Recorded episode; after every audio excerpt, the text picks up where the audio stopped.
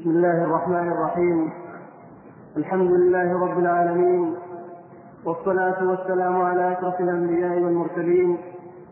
وبعد أيها الإخوة نقدم إليكم اليوم رائدا من رواد الفكر الإسلامي. تشبع بروح الإسلام منذ نعومة أظفاره. وتمعن ودرس مكائد أعداء الإسلام للإسلام واستخدم فكره وعقله بدراسة علمية منهجية لكشف زيف أعداء الإسلام فأتحف أمة الإسلام بالعديد من المؤلفات والدراسات القيمة التي تبرز حقيقة الإسلام الناصعة وترد في إبرازها لحقيقة الإسلام على أعداء الإسلام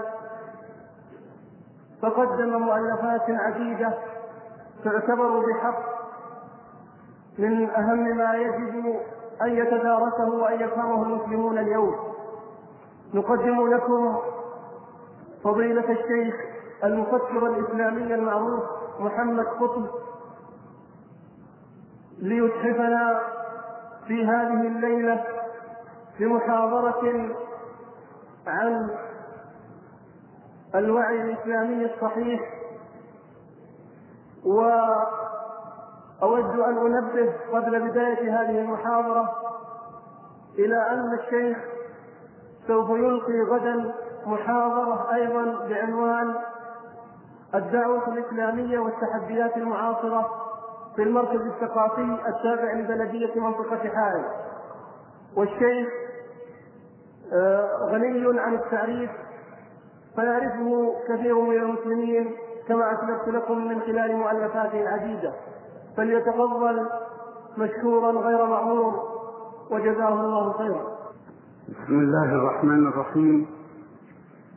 الحمد لله رب العالمين والصلاة والسلام على سيد المرسلين. أبنائي وإخوتي السلام عليكم ورحمة الله وبركاته. يقول سبحانه وتعالى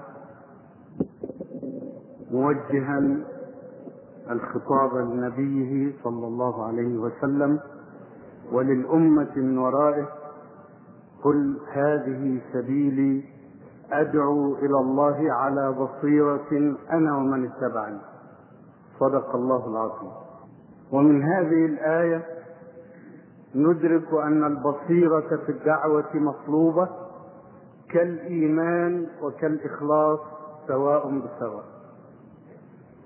نحتاج إلى صدق الإيمان ونحتاج إلى الإخلاص ولكن نحتاج إلى جانبه إلى أن نكون ذوي بصيرة أن نكون على وعي بما نقول وما نفعل وما نريد وما نتوجه إليه. فإن هذه الدعوة هي أعظم دعوة في هذا الوجود. ويكفي أن تكون هي دعوة محمد صلى الله عليه وسلم خاتم الأنبياء والرسل الذي أرسله الله سبحانه وتعالى رحمة للعالمين. ورسالته هي الرسالة الباقية إلى يوم القيامة الموجهة للبشر جميعا. تحملها هذه الأمة جيلا بعد جيل. وتمتد هذه الدعوة في الآفاق ويستجيب لها من كتب الله له الرضوان ومن فتح بصيرته للحق. ولا تسقط مهمة الدعوة عن هذه الأمة في أي جيل من الأجيال. فإن هذا مما اختص الله به أمة محمد صلى الله عليه وسلم.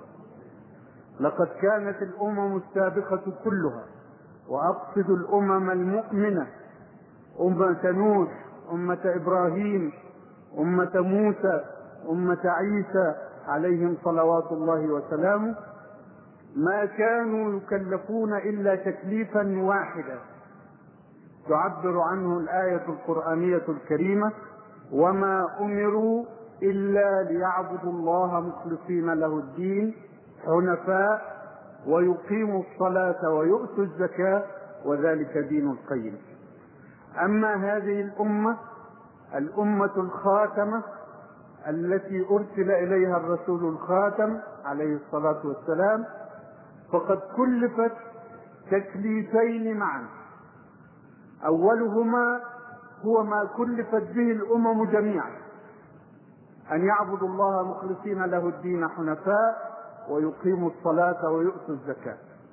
ثم إلى جانب ذلك تكليف خاص بهذه الأمة هي أن ينشروا الدعوة في أرجاء الأرض. كنتم خير أمة أخرجت للناس. لم يقل سبحانه وتعالى إن هذه الأمة أخرجت لذات نفسها. كأمة نوح وأمة إبراهيم وأمة موسى وأمة عيسى عليهم صلوات الله وسلامه إنما أخرجت للناس. كنتم خير أمة أخرجت للناس. تأمرون بالمعروف وتنهون عن المنكر وتؤمنون بالله. وكذلك جعلناكم أمة وسطا لتكونوا شهداء على الناس. ويكون الرسول عليكم شهيدا. يتكرر ذكر الناس بالنسبة لهذه الأمة لتذكيرها أنها لم تخرج لتستقيم على طريق الله في ذات نفسها. فحسب إنما بعد ذلك بعد أن تستقيم لله في ذات نفسها تخرج إلى الناس فتريهم النور وتدعوهم إليه فيدخلون من شاء منهم من شاء الله منهم أن يدخل في هذا الدين ويكون له الرضوان يوم القيامة. ولتكن منكم أمة يدعون إلى الخير ويأمرون بالمعروف وينهون عن المنكر وأولئك هم المفلحون. هذه هي المهمة الدائمة لهذه الأمة بعد أن تستوفي مهمتها الأولى لذات نفسها بعد أن تقيم الدين وتخلص لله وتستقيم. إن الذين قالوا ربنا الله ثم استقاموا تتنزل عليهم الملائكة ألا تخافوا ألا تخافوا ولا تحزنوا. وأبشروا بالجنة التي كنتم توعدون. نحن أولياؤكم في الحياة الدنيا وفي الآخرة ولكم فيها ما تشتهي أنفسكم ولكم فيها ما تدعون. نزلا من غفور رحيم. بعد أن تستقيم هذه الأمة تقول ربنا الله وتستقيم على مقتضيات هذه القولة العظيمة تخرج إلى الناس تدعوهم إلى لا إله إلا الله تدعوهم إلى التوحيد تدعوهم إلى عبادة الله وحده بلا شريك. ومصيبة البشرية الدائمة هي عبادة الله مع شركاء. إن هذا الجيل من البشرية الذي يعيش اليوم على سطح الأرض قد أصيب بمرض طارئ. هو الإلحاد بمعنى إنكار وجود الله جهرا. وهذا الداء ليس من أدواء الفطرة حتى ولو انحرفت. إن الفطرة بذاتها تعلم أن لهذا الكون خالقا وتتوجه إلى ذلك الخالق بالعبادة. وما أرسل رسول أبدا ليقول للناس إن هناك إلها. فالفطرة تعرف ذلك بغير إرسال رسول. وإذ أخذ ربك من بني آدم من ظهورهم ذريتهم وأشهدهم على أنفسهم. ألست بربكم؟ قالوا بلى شهدنا. الفطرة تشهد بهذا تلقائيا. وما أرسل الرسل ليقولوا للناس إن هناك إلها. فهم يعرفون أن هناك إله. وما أرسل الرسل ليقولوا للناس اعبدوا الله الذي تعرفونه فهم يعبدونه من تلقاء أنفسهم. لكن مصيبة البشرية على ممر الأجيال أنها تعبد الله وتشرك في عبادته آلهة أخرى. فيجيء الرسل ليقولوا اعبدوا الله ما لكم من إله غيره. هذه هي رسالة الرسل لا ليقولوا إن هناك إلها فهذا تعرفه الفطرة. ولا ليقولوا اعبدوا الله فالبشر يعبدون الله تلقائيا حتى وإن انحرفت فطرهم لكن يشركون معه آلهة أخرى أو يتصورونه سبحانه وتعالى على غير حقيقته. فيجيء الرسل صلوات الله وسلامه عليهم ليقولوا اعبدوا الله ما لكم من إله غيره وليقولوا لا إله إلا الله. هذه دعوة الرسل. وهذه دعوة هذه الأمة لكل البشرية. لأن هذه الأمة حملت مهمة رسولها الخاتم عليه الصلاة والسلام. لقد أرسل إلى البشرية كلها. ولكنه وهو رسول هو بشر. عليه الصلاة والسلام يجري عليه ما يجري على البشر جميعا فيموت فيقول له ربه إنك ميت وإنهم ميتون. فمن يحمل الرسالة من بعده تحملها أمته.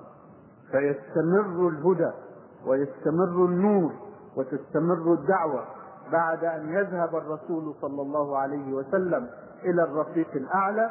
عن طريق أمته التي حملت رسالته وحملت أن تبتغي بها آفاق الأرض تدعو الناس إلى الإيمان. في هذا الأمر وهو أمر الدعوة يحتاج الأمر يحتاج الناس إلى البصيرة التي نبههم إليها الله سبحانه وتعالى. في خطابه لرسوله صلى الله عليه وسلم قل هذه سبيلي أدعو إلى الله على بصيرة أنا ومن اتبعني.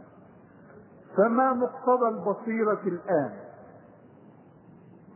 ماذا تحتاج الدعوة؟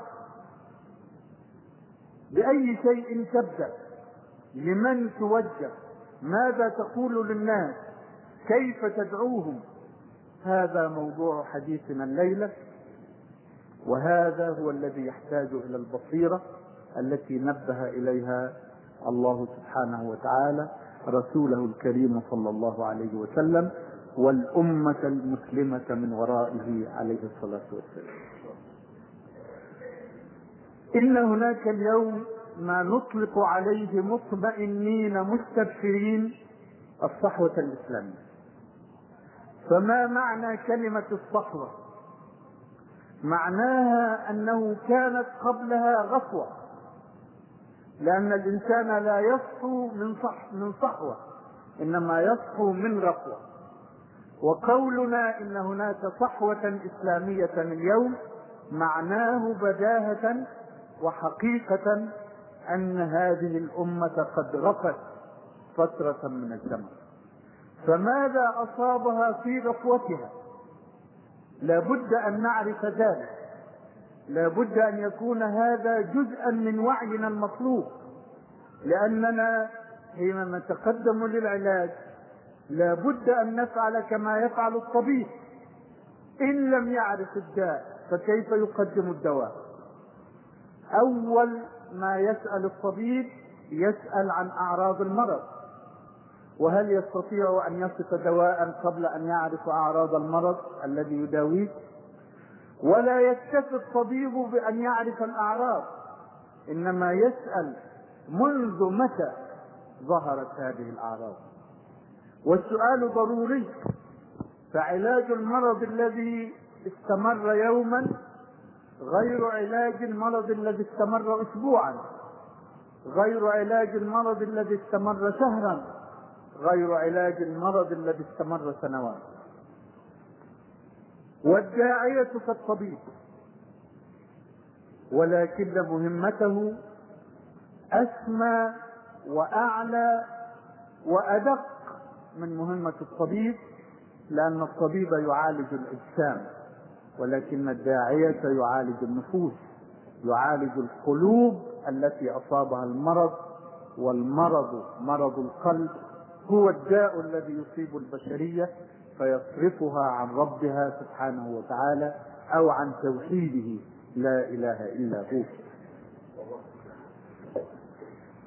يجيء الداعية ليعالج أمراض القلوب. فينبغي أن يعرف أعراض المرض. وينبغي أن يعرف كم استمر هذا المرض مع مريضه الذي يعالجه.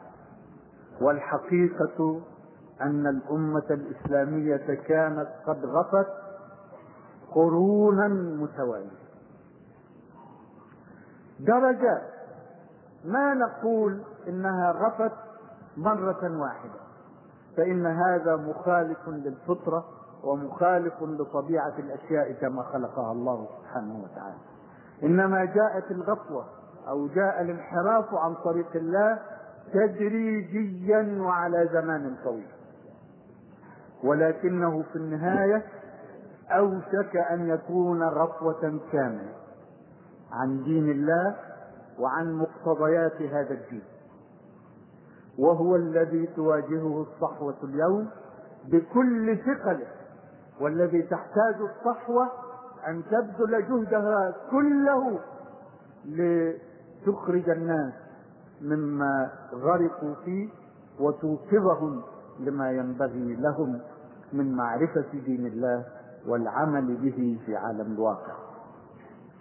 ما الأمراض؟ يطول بنا الحديث لو استعرضنا الأمراض أو الانحرافات التي وقعت فيها الأمة في تاريخها الطويل خلال مسيرتها التي استغرقت أربعة عشر قرنا كاملة وندخل اليوم في القرن الخامس عشر. ولكن لا بد لنا أن نمر سريعا لنعرف ما هو المطلوب من الصحوة لأن هذا أول الوعي المطلوب للدعوة الإسلامية. من أمراض القلب البشري التفلت من التكاليف وهذا داء قديم في البشر يقول سبحانه وتعالى ولقد عهدنا إلى آدم من قبل فنسي ولم نجد له عزما. وهذا أبو البشر وأبناؤه على سليقته ينسون ويخور عزما. فهل لهذا الداء من دواء؟ هل خلق الله داء بلا دواء؟ إذا كان القلب البشري يضعف أو ينسى أو يغفو فما العلاج؟ العلاج في كتاب الله. وذكر فإن الذكرى تنفع المؤمنين. هذا هو المرض وهذا هو علاج. فإذا وجدنا على طول التاريخ الإسلامي الذي امتد أربعة عشر قرنا كاملا أن الغفوة زادت فلنا أن نتوقع إذا أو نستنتج أن التذكير لم يكن بالقدر الكافي. فهذا أول ما أصاب الأمة الإسلامية. تتفلت تغفو تنسى ولا تجد التذكير الكافي الذي يعيدها إلى جادة الطريق. الذي حدث في تاريخ الأمة أنه بدلا من أن يكون التذكير كافيا من حيث الدرجة ومن حيث الكم ليس معنى هذا أنه لم يكن هناك تذكير. حاشا لله أن يقول ذلك. فلم يخلو عصر من عصور المسلمين كلها من مذكر يذكر. لكن أقول إن حجم التذكير لم يكن كافيا. وأحيانا نوعيته لم تكن هي النوعية المطلوبة. بدلا من أن يتاح للأمة من يذكرها دائما لكي لا تنسى دخل في حياة الأمة تياران دخيلان ضد عملية التذكير. ما هذان التياران أما أحدهما فهو الفكر الإرجائي. ولا تشغلوا بالكم بالمصطلحات. الفكر الإرجائي ببساطة هو الذي يقول الإيمان هو التصديق والإقرار وليس العمل داخلا في مسمى الإيمان. ترجمته على ألسنة العامة اليوم ماذا؟ ربك رب قلوب. ما دام قلبك عامر بالإيمان لا يهمك.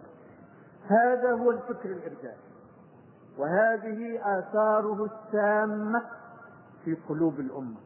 تظن تتوهم أن الإيمان شيء في داخل القلب. وكلمة تنطق باللسان وانتهينا لا شيء بعد ذلك. فمن وجد في نفسه التصديق ومن نطق بلسانه لا إله إلا الله محمد رسول الله يظن أنه قد احتوى الإيمان كله وأن الجنة في جيبه محجوزة له يوم القيامة. دون أن يعمل بالتكاليف لأن الفكر الإرجائي قال له الإيمان هو التصديق والإقرار. التصديق للآخرة والإقرار للدنيا لتجري عليه أحكام الإسلام. وليس العمل داخلا في مسمى الإيمان. هذا مخالف لطبيعة هذا الدين. ونظرة بسيطة جدا إلى جيل الرسول صلى الله عليه وسلم. ترد على هذا التساؤل. هل حقيقة هذا الدين هو عبارة عن تصديق داخل القلب ونطق باللسان ولا شيء وراء ذلك؟ اذا لماذا جاهد رسول الله صلى الله عليه وسلم ذلك الجهاد المرير والصحابة رضوان الله عليهم معه يجاهدون ويبتلون ويعذبون ويشردون ويصبرون على ذلك كله. لماذا؟ إذا كان يكفي شيء ما في داخل القلب وكلمة ما ينطقها اللسان. إذا كانت تكفي للدنيا والآخرة. ففيما أتعب نفسه رسول الله صلى الله عليه وسلم وفيما تجسم كل هذا الجزء المرير الذي احتمله عليه الصلاة والسلام واحتمله معه صحابته الكرام رضوان الله عليهم. احتملوه لأن هذا هو مقتضى الدين. العمل. العمل بمقتضى لا إله إلا الله. إذا من بديهيات هذا الدين الذي أغفلها الفكر الإرجائي الذي أشرنا إليه أن لا إله إلا الله ذات مقتضيات ليست كلمة. لو كانت كلمة كما تظن الأجيال المتأخرة فهل كانت قريش تحارب رسول الله صلى الله عليه وسلم هذه الحرب كلها من أجل كلمة؟ ينطقون وينتهون. لو كانت الكلمة لا تفرض عليهم شيئا ولا تكلفهم شيئا ولا تطالبهم بتغيير شيء من معتاد حياتهم لماذا يكرهونها؟ ينطقونها ويكفيهم فخرا أن منهم رسولا عليه الصلاة والسلام.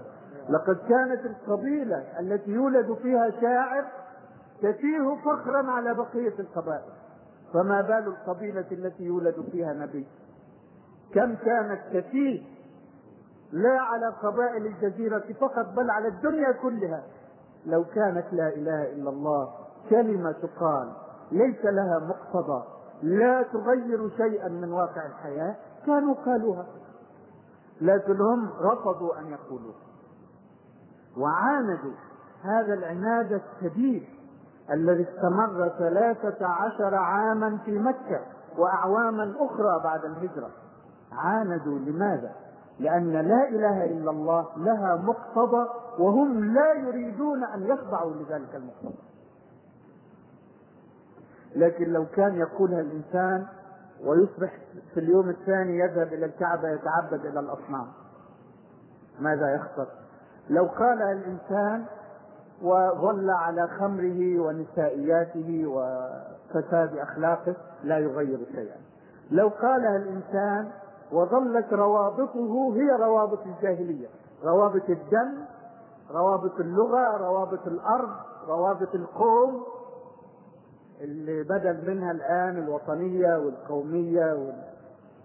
وهذه الإيات التي تملأ الجو اليوم. لو كانت الكلمة لا تكلف شيئا لكانت قريش قالت لكن الكلمة ذات مقتضيات ذات تكاليف. فلنحاول أن نتعرف على مقتضيات لا إله إلا الله. فإن هذا جزء من الوعي الذي تحتاج إليه الدعوة اليوم. المقتضى الأول وحين أقول الأول والثاني والثالث فهذا من طبيعة الكلام.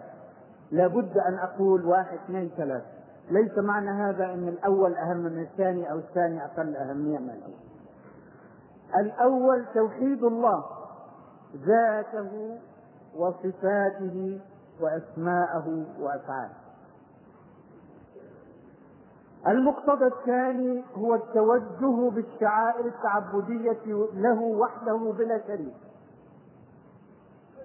المقتضى الثالث هو تحكيم شريعته وحدها دون أي شريعة من شرائع الجاهلية. المقتضى الرابع هو القيام بالتكاليف التي وردت في الكتاب والسنة من صلاة وصيام وزكاة وحج وجهاد وكذا وكذا وكذا. المقتضى الخامس هو التخلق بأخلاقيات لا إله إلا الله. سئلت عائشة رضي الله عنها عن خلق رسول الله صلى الله عليه وسلم فقالت كان خلقه القرآن. ويجيء في كتاب الله وصف عباد الرحمن ووصف المؤمنين بأخلاقيات.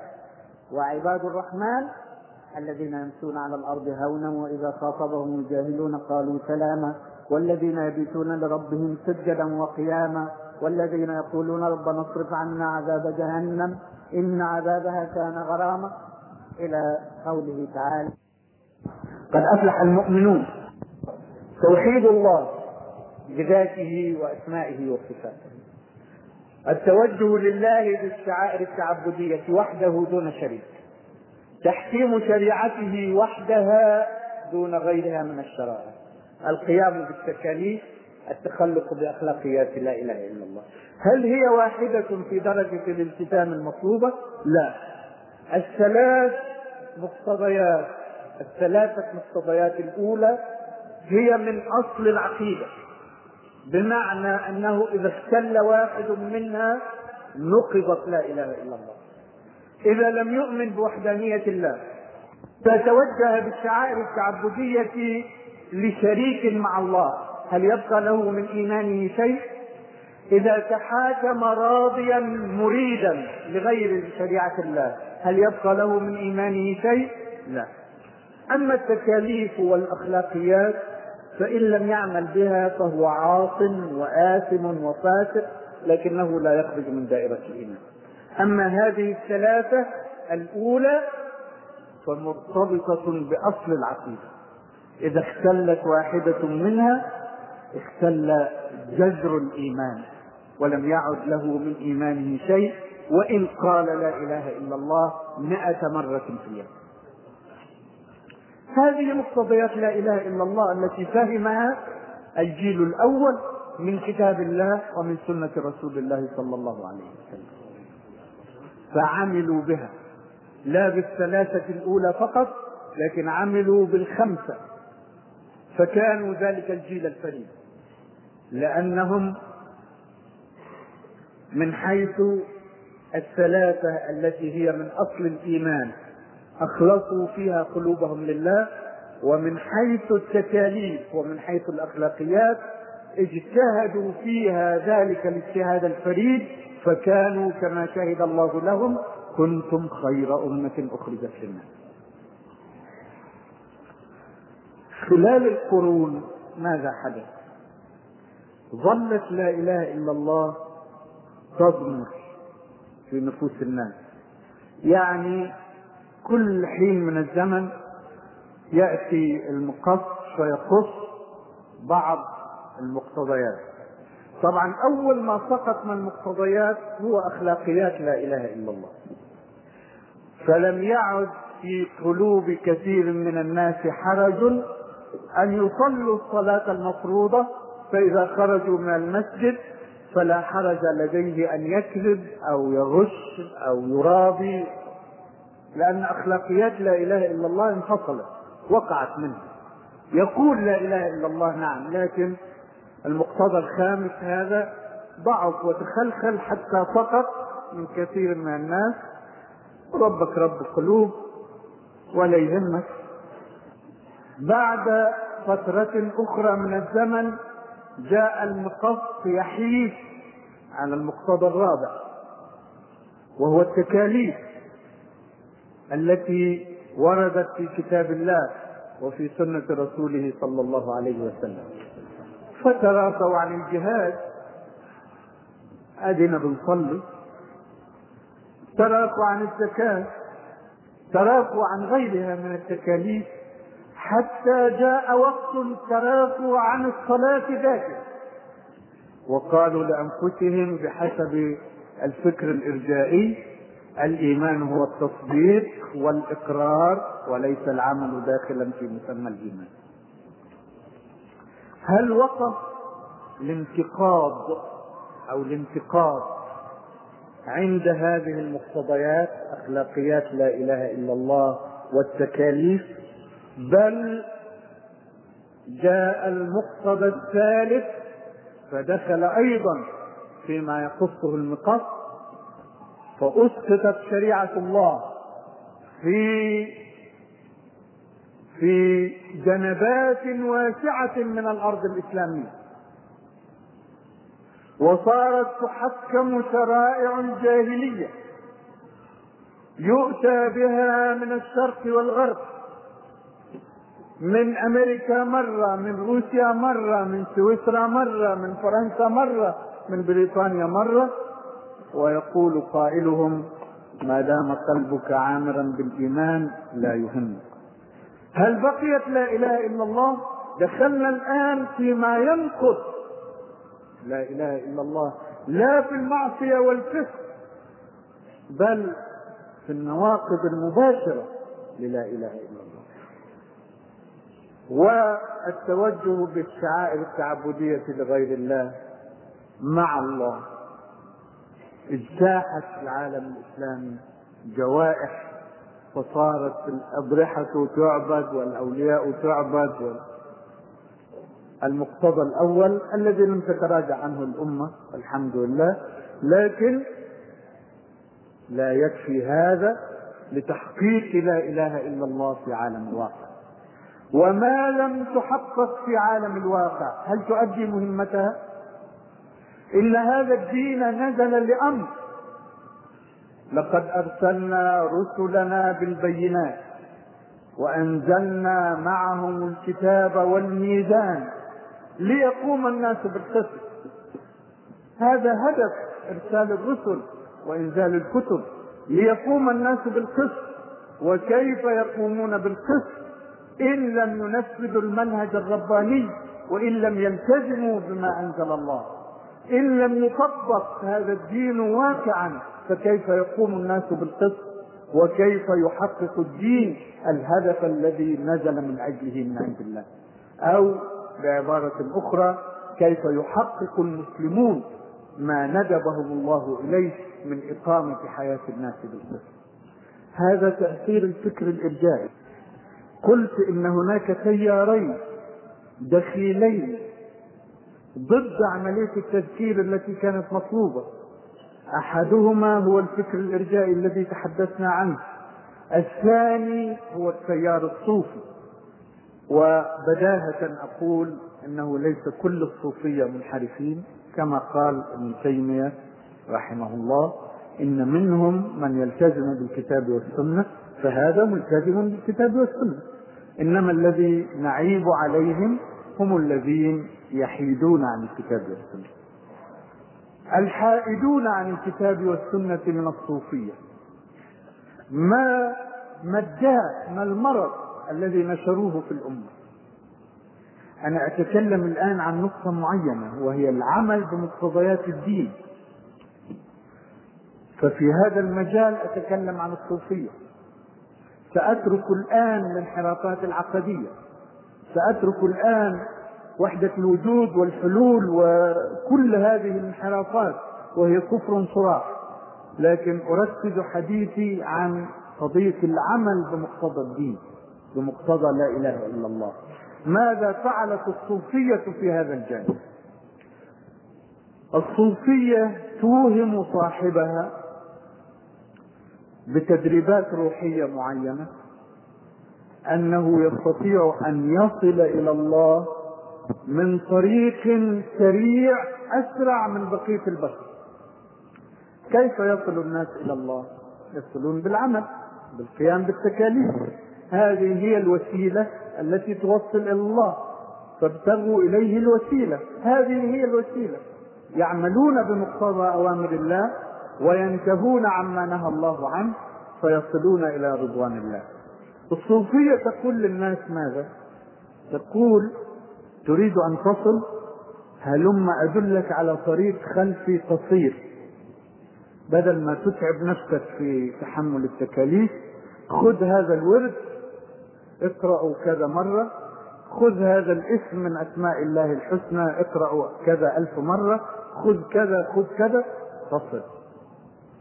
ولا تتعب نفسك في القيام بالتكاليف. ويخيل بالفعل لمن يدخل في دوامة الصوفية أنه خفيف أنه ترك جسده على الأرض وهام بروحه في الملكوت.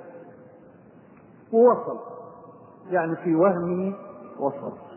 لا يمنعني مقام الجد الذي أنا فيه من أن أسري عنكم بنكتة عن المساطيل والمساطيل هم الذين يتناولون نوعا من المخدر شديد التخدير. وهذه النكتة متداولة في مصر عن اثنين من المساطيل المسطول يفقد وعيه بالزمن يعني لا يحس بالزمن على حقيقته. وقد تمر به دقيقة واحدة يحسب أنها سنة كاملة. فالنكتة تقول إن اثنين من المساطيل كانا يصعدان الدرج. سلم فأحدهما استبطأ يعني طال الزمن في حسه فقال لزميله كل هذا ولم نصل إلى السطح بعد؟ فقال له سطح مين يا عم؟ إحنا فتناه من زمان. هذا مثل هذا يحدث مع الصوفي. يظن إنه وصل إلى السطح وتركه من زمان وإنه خفيف. باشراقاته الروحية بالنور الذي يفيض عليه يتوهم أنه وصل.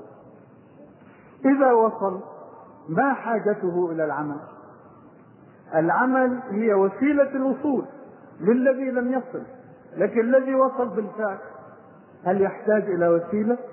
ومن هنا ينصرف الصوفي في خدر الصوفية. الذي يوهمه أنه قد وصل إلى الله ونال رضوان الله ينصرف عن العمل بمقتضى التكاليف فلا يجاهد ولا يأمر بالمعروف ولا ينهى عن المنكر وإذا طالبته بشيء يقول أقام العباد فيما أراد لو شاء الله لهداهم اترك العبادة للخالق. خليك في نفسك. وتتبدد طاقة عظيمة جدا. كان يمكن أن تصلح واقع الأرض تتبدد كلها في هذه الأحلام في هذا الخدر الذي يوهم صاحبه أنه قد وصل وأنه لم يعد في حاجة إلى القيام بالتكاليف. هذه أمراض ثلاثة قلة التذكير الواجب والتذكير مهمة دائمة ضرورة دائمة لأن الإنسان عرضة للنسيان باستمرار. فلا بد أن يذكر باستمرار. فقلة التذكير ودخول الفكر الإرجائي ودخول التيار الصوفي يمكن أن نضيف إلى هذا الاستبداد السياسي المبكر الذي بدأ منذ بني أمية ثم استمر في عهد بني العباس ثم استمر في عهد الدولة العثمانية. ما آثار الاستبداد السياسي على الدين في المجال الذي نتكلم فيه وهو القيام بمقتضيات لا إله إلا الله. تأثير أن الناس تراجعوا عن الأمر بالمعروف والنهي عن المنكر وهو مقتضى خيرية هذه الأمة. هذه الأمة نالت الخيرية بماذا؟ بجنسها بأسمائها بأعدادها بأموالها. كنتم خير أمة أخرجت للناس تأمرون بالمعروف وتنهون عن المنكر وتؤمنون بالله. هذا هو مناط خيرية هذه الأمة. الاستبداد السياسي المبكر الذي بدأ منذ العهد الأموي جعل الناس يتراجعون عن الأمر بالمعروف والنهي عن المنكر. خشية إغضاب أصحاب السلطان. وترى فيهم القول خليك في نفسك لكي تنجو. فصار التركيز على الشعائر التعبدية. صار التركيز على الممارسة الفردية لهذا الدين لا الممارسة الجماعية التي أمر الله بها فانحسر الدين. انحسرت لا إله إلا الله.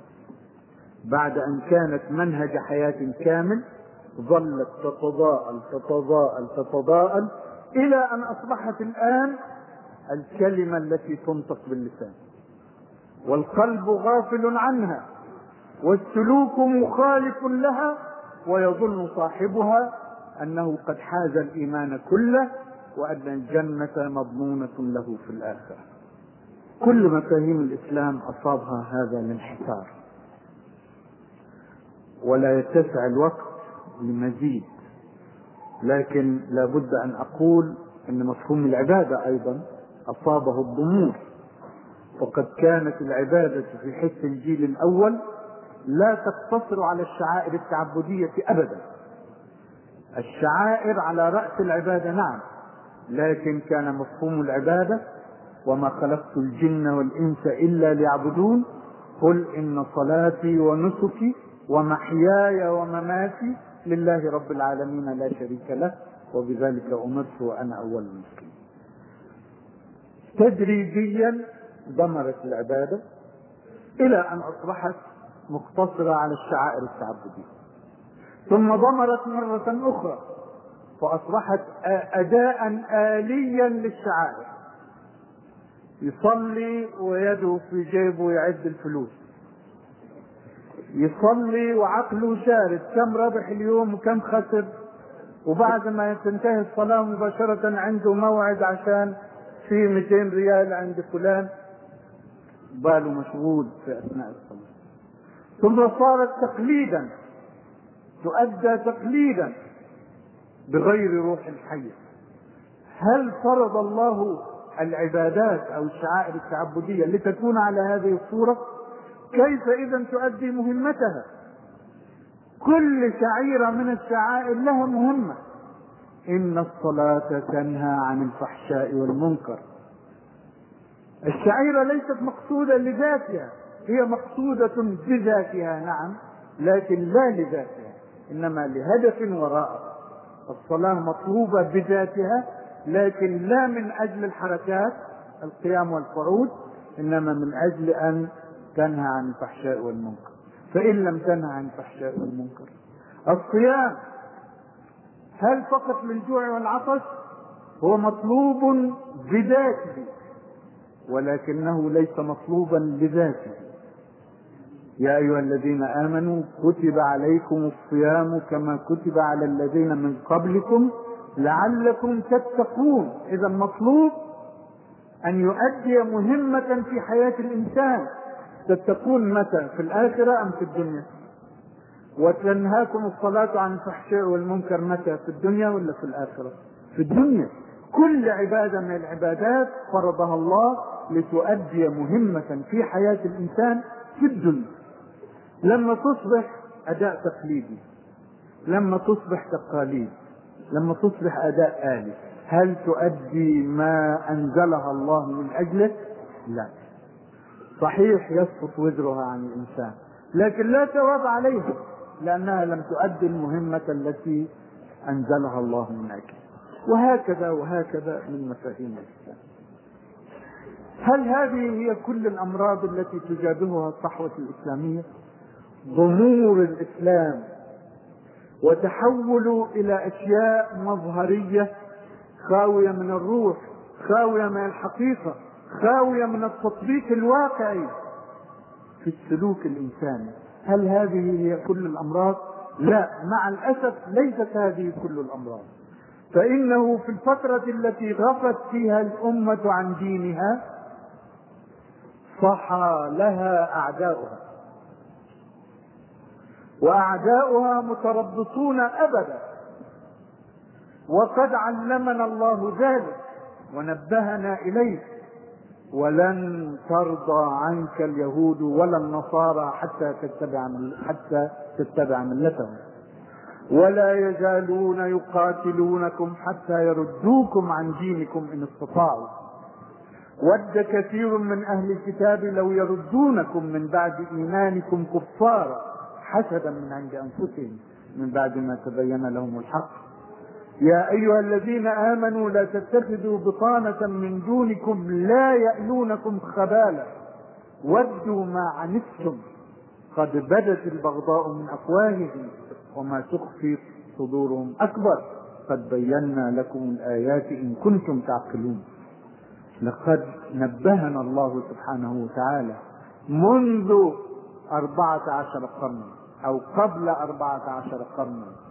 إلى أعدائنا من هم على وجه التحديد.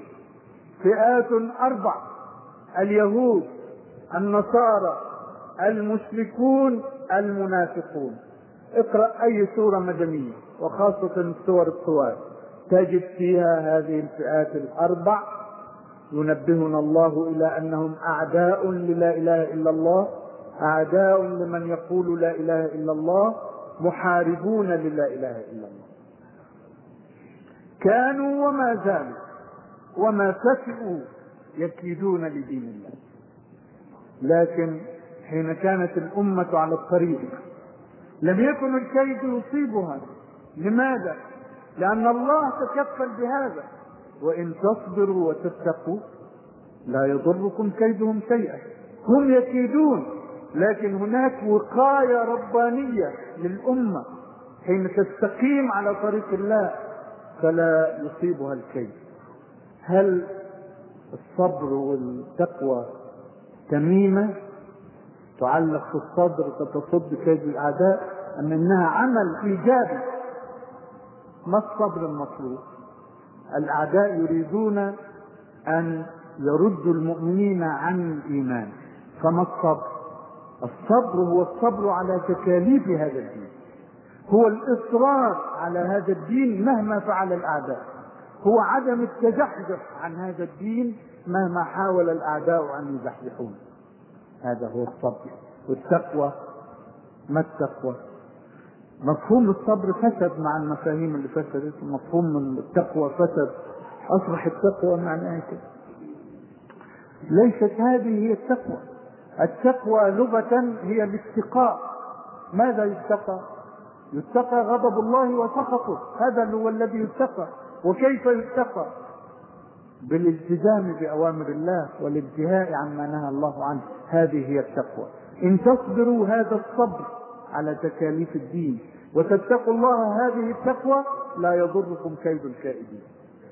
والأمة جربت قرونا متوالية حين كانت مستقيمة على الطريق والأعداء يكيدون ولا يصل كيدهم إلى قلب الأمة لكن لما جاءت الغفوة لما لم يعد الصبر هو الصبر المطلوب ولا التقوى هي التقوى المطلوبة صار العدو يكيد فينفذ الكيد إلى جسم الأمة وأشد ما ابتلينا به في فترة الغفوة ليس الاحتلال العسكري ولا الاحتلال الاقتصادي مع أن ولا الاحتلال السياسي مع جسامة الضرر من كل هذا لكن ما صلحنا على تسميته بالغزو الفكري. الغزو الفكري الذي يدخل إلى القلوب يحاول أن يقتلع منها ما بقي فيها من إيمان. وتلك هي المصيبة التي أصابت العالم الإسلامي في قرنيه الأخيرين وفي قرنه الأخير بصفة خاصة. جاء العدو في هذه المرة والعدو هو هو اليهود والنصارى والمشركون والمنافقون. لا أحد غيرهم في الماضي ولا في الحاضر ولا إلى يوم القيامة. هذه هي الفئات الأربع التي تكره لا إله إلا الله وتحارب من يحمل لا إله إلا الله. جاء العدو في هذه المرة ومعه هذا السلاح الخبيث الغزو الفكري. ولذلك قصة نقولها في كلمات. في الحروب الصليبية الأولى أسر لويس التاسع وهو أحد قادة الحروب الصليبية. وسجن في مصر في سجن في بلد من بلاد مصر هو المنصورة سجن المنصورة وهي بلد في وسط الدلتا. وبقي هناك شهورا حتى ابتداه قومه ففك أسره وعاد.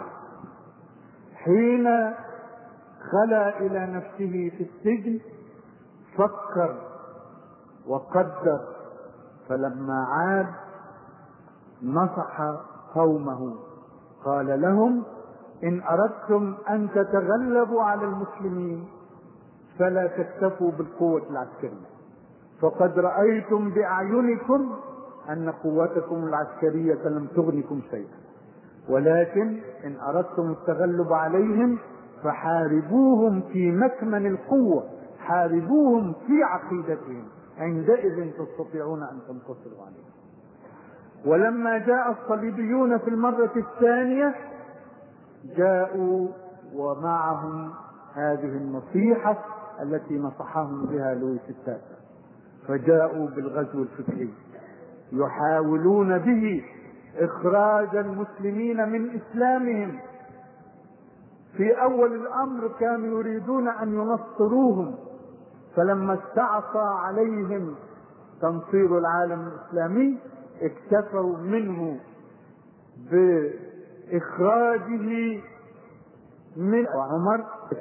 أم هو قلب جون هل عقله هو عقل المؤمن المسلم أم عقل الخواجة هذا هو الذي سعى إليه الغزو الفكري. وفي هذا يحضرنا قولة لأحد المنصرين الذين كان لهم نشاط كبير في أول القرن الميلادي العشرين ويسمى زويمر. كان له نشاط ضخم جدا في المنطقة العربية وركز كثيرا على مصر والشام. في سنة 1906 للميلاد عقد مؤتمر تنصيري في القاهرة على خطوات من الأزهر. تحديا زيادة الكيس الذين يعرفون منكم القاهرة ويعرفون مكان الأزهر هذا المؤتمر التنصيري عقد في باب الخلف وبين باب الخلف وبين الأزهر دقائق. وقام الخطباء من المنصرين يقولون لقد فشلنا في عملنا. نفتح المدارس نفتح الملاجئ نفتح المستشفيات نعطي هبات مالية ولا يدخل في النصرانية إلا طفل صغير.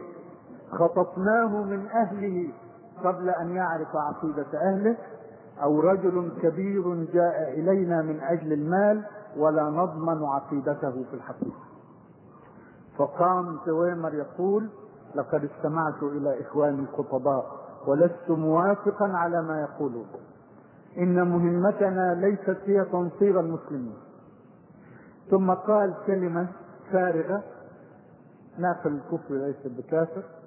قال هذا شرف لا يستحقونه طبعا تعرف حكاية العنب الحصرم الثعلب حين عجز عن الصعود إلى العنب قال هذه عنب حصرم لأنه لم يطلها. فذمها قال ليست مهمتنا هي تنصير المسلمين فهذا شرف لا يستحقونه لكن مهمتنا هي صرف المسلمين عن التمسك بالإسلام وفي هذا نجحنا نجاحا باهرا بفضل مدارسنا التبشيرية ومناهج التعليم التي وضعناها للبلاد الإسلامية. الغزو الفكري أضاف إلى الأمراض التي كانت موجودة من قبل امراضا من نوع جديد. تشكيك المسلمين في اسلامهم عقيدة وشريعة وخلقا وسلوكا. فصار الشباب الذي تعاطى ثقافة الغرب يشك في دينه. لأول مرة في تاريخه يظن أن ما عند الجاهلية خير مما بين يديه. يظن أن حكم الجاهلية ما هو حكم الجاهلية؟ من كتاب الله نعلم أن الحكم نوعان اثنان لا ثالث له يقول سبحانه وتعالى أفحكم الجاهلية يبغون؟ ومن أحسن من الله حكما لقوم يوقنون. فيعلمنا سبحانه وتعالى أن الحكم نوعان إما حكم الله وإما حكم الجاهلية. فكل حكم غير حكم الله هو حكم جاهلية. معهم صواريخ وصلوا القمر وصلوا المريخ. حكم جاهلية. كل من لم يحكم ما أنزل الله فهو داخل في حكم الجاهلية. والشباب الذي تعاطى ثقافة الغرب لأول مرة في تاريخه يشك في دينه المنزل يشك في شريعة ربه ويتوهم أن حكم الجاهلية خير من حكم الله. دخلوا إليه من مداخل خبيثة لكن أعود فأقول وإن تصبروا وتتقوا لا يضر